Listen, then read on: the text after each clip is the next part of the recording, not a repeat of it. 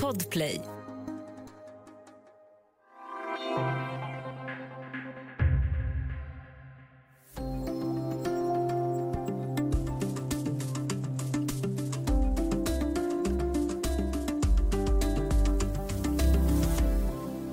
I lördags den 22 januari så landade en delegation bestående av Afghanistans ledande talibaner i Oslo.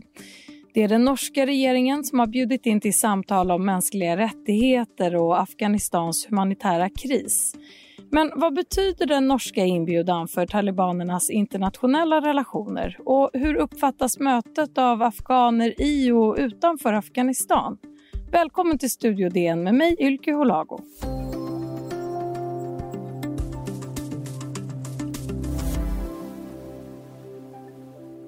Och idag har jag med mig Dagens Nyheters Erik Olsson. Du har ju bevakat Mellanöstern och Afghanistan väldigt länge. Hej! Hej! Och varmt välkommen till Shakila Edizada från Ekot på Sveriges Radio. Hej! Hej och tack! Eh, Erik, jag börjar med dig här. Det är ju snart ett eh, halvår sedan talibanernas maktövertagande i Afghanistan. Hur är situationen i landet just nu? Eh, den är ganska bedrövlig. Över halva befolkningen hotas av svält. Eh, pengasystemet har kollapsat. Eh, och det beror ju delvis i alla fall på, på den internationella karantän som, som talibanregimen har satts i av övriga världssamfundet. Alltså bojkott och sanktioner. Shakila Edizada, eh, du har ju själv eh, bakgrund i Afghanistan och bevakar landet också. Eh, hur skulle du beskriva situationen? Vad, vad fångar du upp för situation? Eh, situationen är jätteallvarlig. Även de Uh, löntagare uh, som är en stor del av Afghanistans befolkning har inte fått någon inkomst sedan talibanerna har kommit. Och som vi hör från internationella organisationer, det är humanitär kris det har redan börjat, eh, men det kan bli värre på grund av att mm, torkan, eh, fattigdom och krig och just nu talibanerna som eh, som situationen kan bli ännu värre. Afghanistan blir isolerat, inga pengar eh, och snart blir det ingen mat heller. Trots att det finns mat i marknaden, men folk har inte köpkraften. Hur eh, kommer det här mötet i Oslo att påverka situationen i Afghanistan och talibanernas ställning, tror du? Uh, talibanerna redan har börjat att skryta om uh, det här uh, mötet, att västvärlden kommer att erkänna dem, att kommer att bekräfta dem. Det är framgång för talibanerna.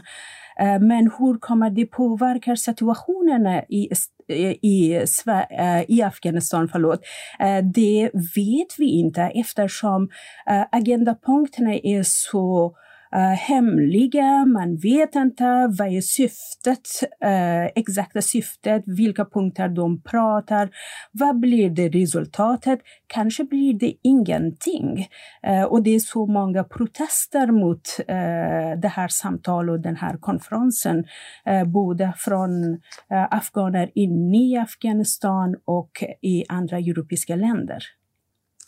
Sverige tillhör ju de länder som inte erkänner talibanstyret och samtidigt så är ju många västländer kluvna till hur man ska förhålla sig till talibanerna för att inte det afghanska folket ska hamna i kläm när bistånd dras in. Men den norska regeringen som ju alltså står värd för det här mötet Eh, där säger utrikesminister Anniken Huitfeldt att eh, mötet inte representerar en legitimering eller ett erkännande av talibanerna. Erik, varför har Norge ändå bjudit in talibanerna till samtal? Alltså det här det är väl diplomatiska piruetter de kör med. För att, eh, eh jag menar, å ena sidan så, så är ju alla väldigt noga med att man, eh, man inte ska erkänna talibanregimen. Och det är på goda grunder. De tog eh, makten på ett väldigt odemokratiskt sätt. De är eh, terrorstämplade, många av dem. De är eh, ja, de har gjort sig skyldiga till, till fruktansvärda övergrepp och gör det fortfarande. Å ena sidan. Å andra sidan är det här som vi har pratat om, att, att eh, befolkningen lider. Peng, pengar och eh, eh, förnödenheter måste komma in och distribueras. Och då måste man eh, jobba med, med de som styr.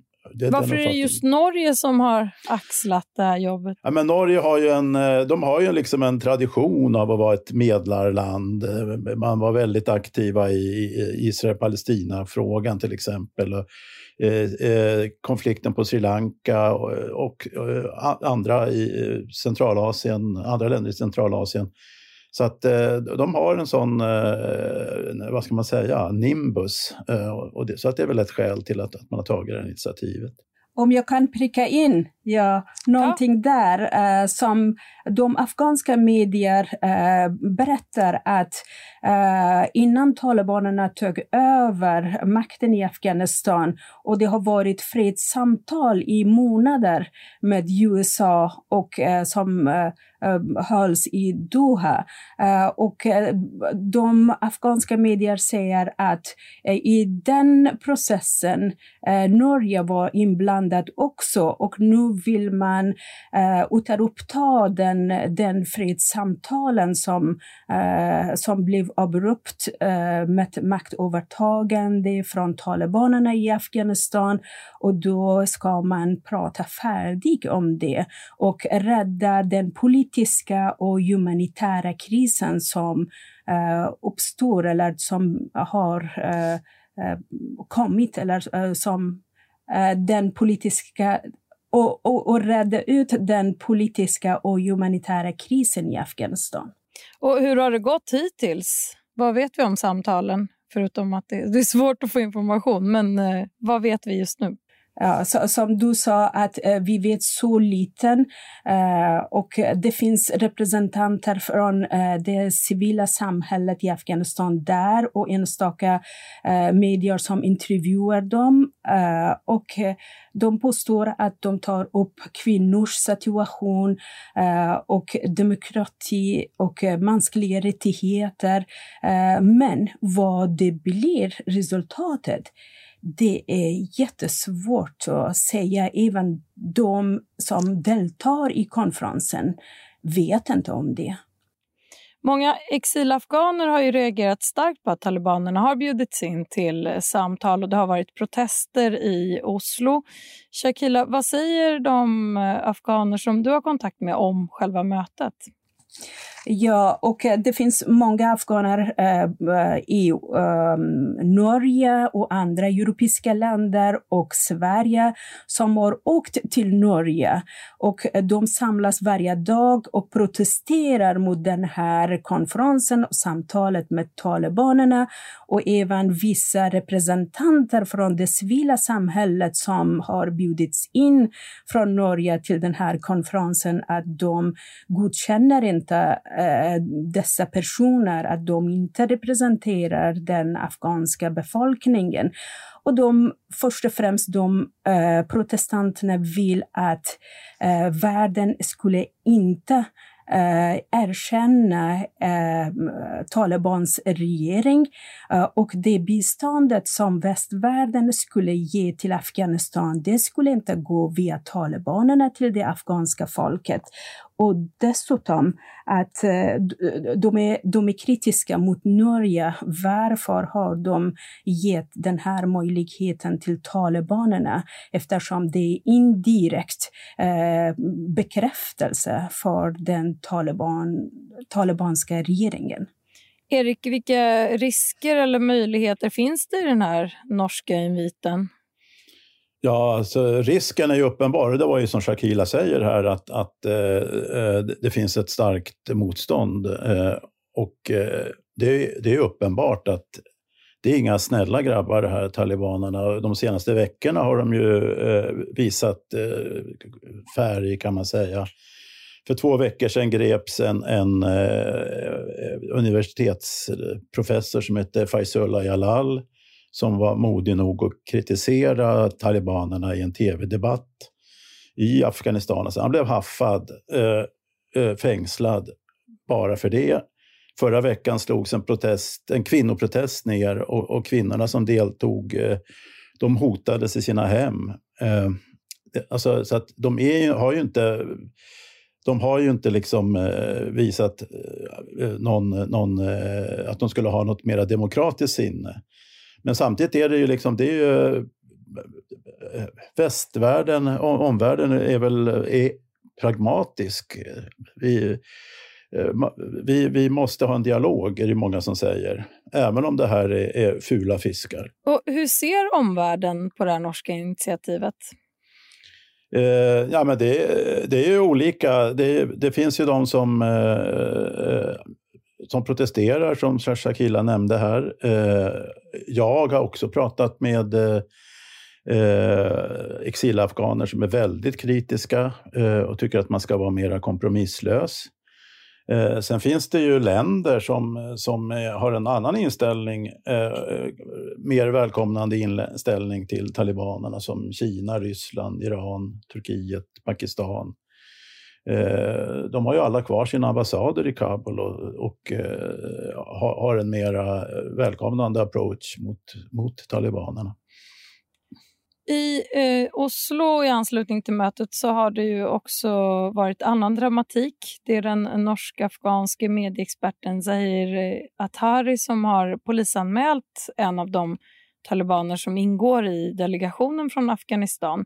Det handlar om Anas Haqqani som ingår i, den brutal, i det brutala Haqqani-nätverket och han är bror till en av världens mest eftersökta terrorister, eh, Sirajuddin Haqqani. Haqqani-nätverket låg bakom en terrorattack i Kabul 2008 då den norska journalisten Karsten Thomassen dödades. Och Norges nuvarande statsminister Jonas Gahr Støre han var faktiskt på samma hotell i Kabul när den här dödliga attacken ägde rum och då i egenskap av Norges utrikesminister. Det här är ju ett eh, komplicerat läge för Norge och så kommer den här anmälan ovanpå det. Hur hanterar nationer den här typen av samtal när motparten bevisligen har gjort sig skyldig till allvarliga brott, Erik? Ja, det här, är, det, det här understryker bara att, eh, vilka de har med att göra. Att det är sådana som har tagit makten med hjälp av våld och terror.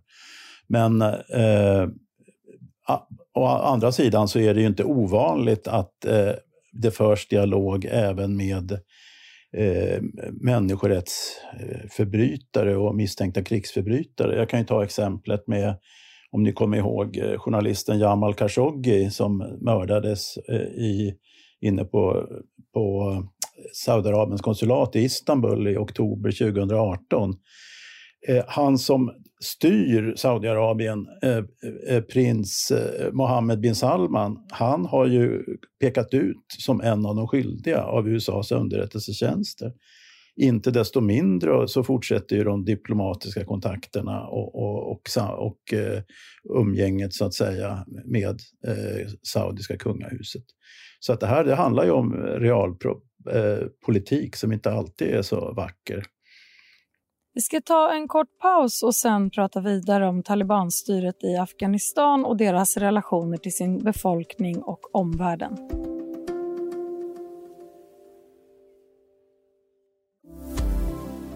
Du lyssnar på Studio DN, idag om talibanerna och deras diplomatiska relationer. Erik Olsson, du har ju länge bevakat bland annat Afghanistan och intervjuat Abbas Noyan, som är landets ambassadör här i Sverige. Vi ska prata mer om hur han förhåller sig till styret i det land han representerar. Men till att börja med, vem är Abbas Noyan?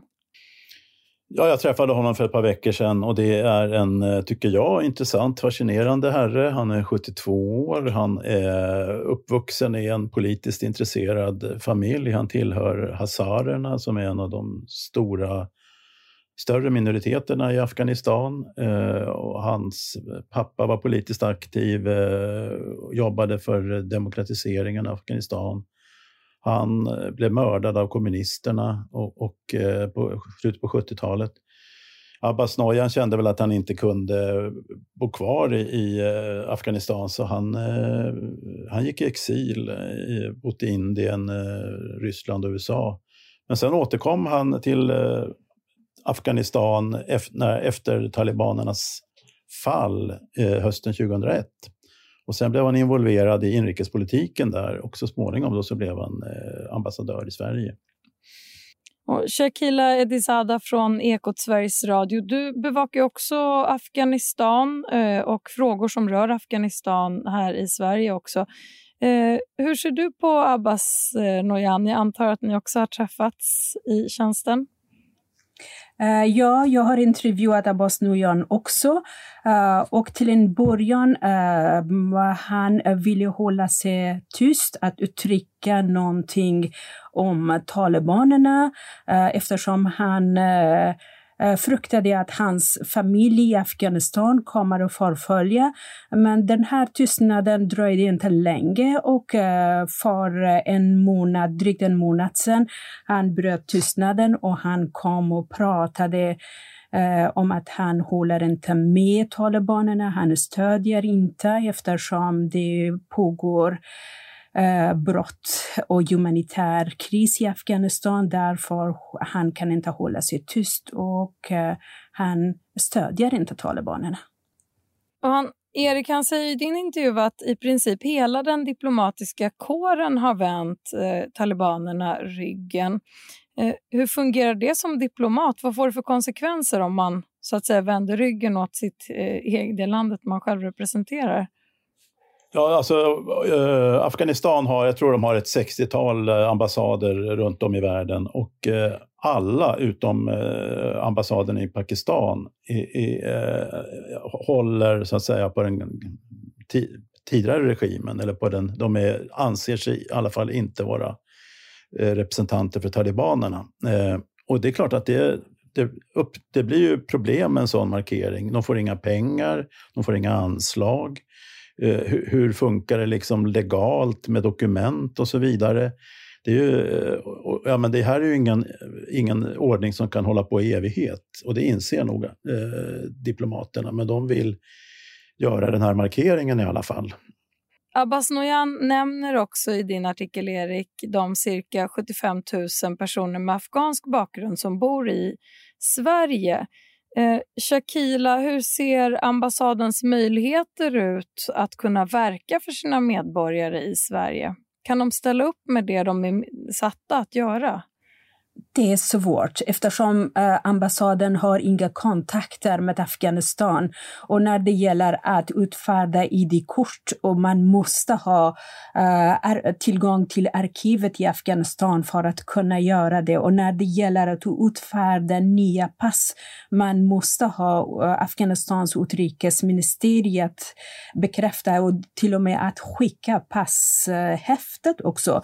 Och ambassaden har inte tillgång till dessa dessa eh, möjligheter än så länge de överlever på att förnya afghansk pass eller utfärda vissa eh, ID-bekräftelse på papper till eh, Sveriges migrationsverket. Eh, det som Erik sa, de kan inte överleva för evighet. Men när det gäller pengar, förra året eh, ambassaderna tror jag, de brukar få sin budget i början av året och de hade lite pengar. Dessutom de fick inkomst genom sina konsulärarbete och nu har det förminskat rejält eftersom man har inte den möjligheten, den förutsättningen. Uh, och uh, de kan inte fortsätta. Men eh, vem representerar dem?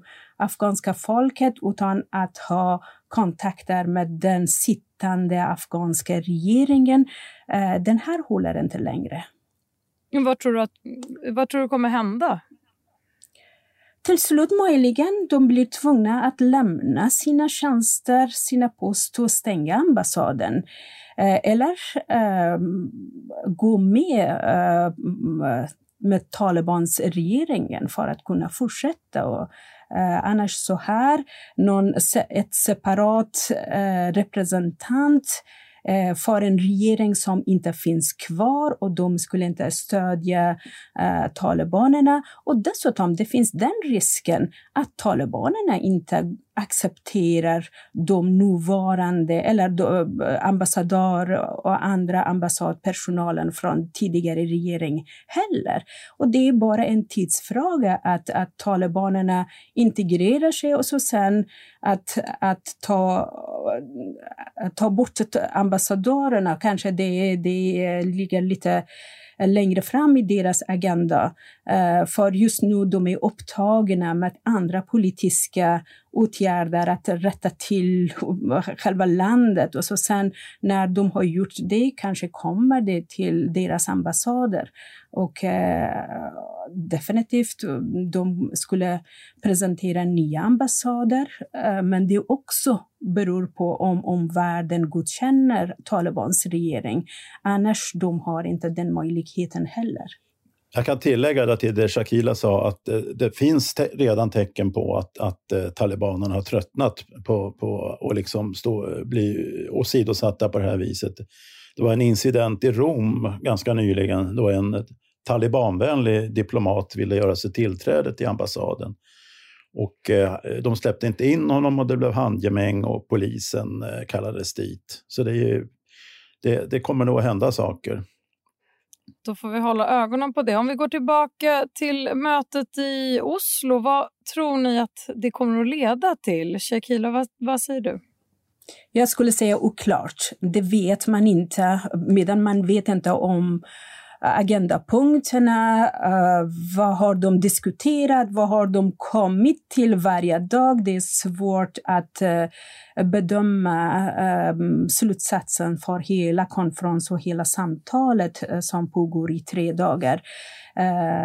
men det får vi se. Det får vi se vad, vad som kommer ut idag, imorgon. men det finns inte så mycket hopp. Erik?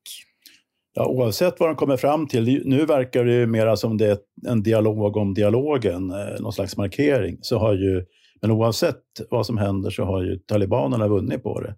De har ju, eh, de har ju kommit ett steg närmare legitimering. Vad än eh, alla, alla säger. Och avslutningsvis här, hur ser den närmsta tiden ut för Afghanistans nödställda befolkning, Shakila? Eh, det är jättesvårt för Afghanistan har varit i fattigdom och kris innan också och det är flera lagar som har satt på varandra. Eh, och, och, och talibanerna är ganska svåra att regera ett land. Eh, hur kommer det bli? Det är svårt om internationella samhället inte går in och stödjer folket. Eh, vi ser redan humanitär kris och det kommer att bli värre. Erik, vad tror du krävs för att eh, så fort som möjligt eh, hjälpa befolkningen i Afghanistan? Det, det, pågår ju hjälpinsatser och eh, stora biståndsaktörer är ju aktiva och, och försöker, eh, hittills i alla fall, har försökt att runda, eh, runda talibanregimen. Och de ansträngningarna kommer väl att fortsätta. Men annars delar jag Shakilas uppfattning att det, det inte ser särskilt ljust ut för tillfället. Ja, vi lär ju få återkomma till frågan, men för den här gången så säger jag tack så mycket Erik Olsson, Dagens Nyheter och tack också Shakila Edisada, Sveriges Radio Ekot. Tack. Tack. Om du vill kontakta oss så går det bra att mejla till studiodn dn.se. Och kom ihåg att prenumerera på Studio DN där du lyssnar på poddar så missar du inga avsnitt. Studio DN görs för Podplay av producent Palmira Kokarimenga. Ljudtekniker Patrik Miesenberger, teknik Jonas Lindskov på Bauer Media och jag heter Ylky Holago.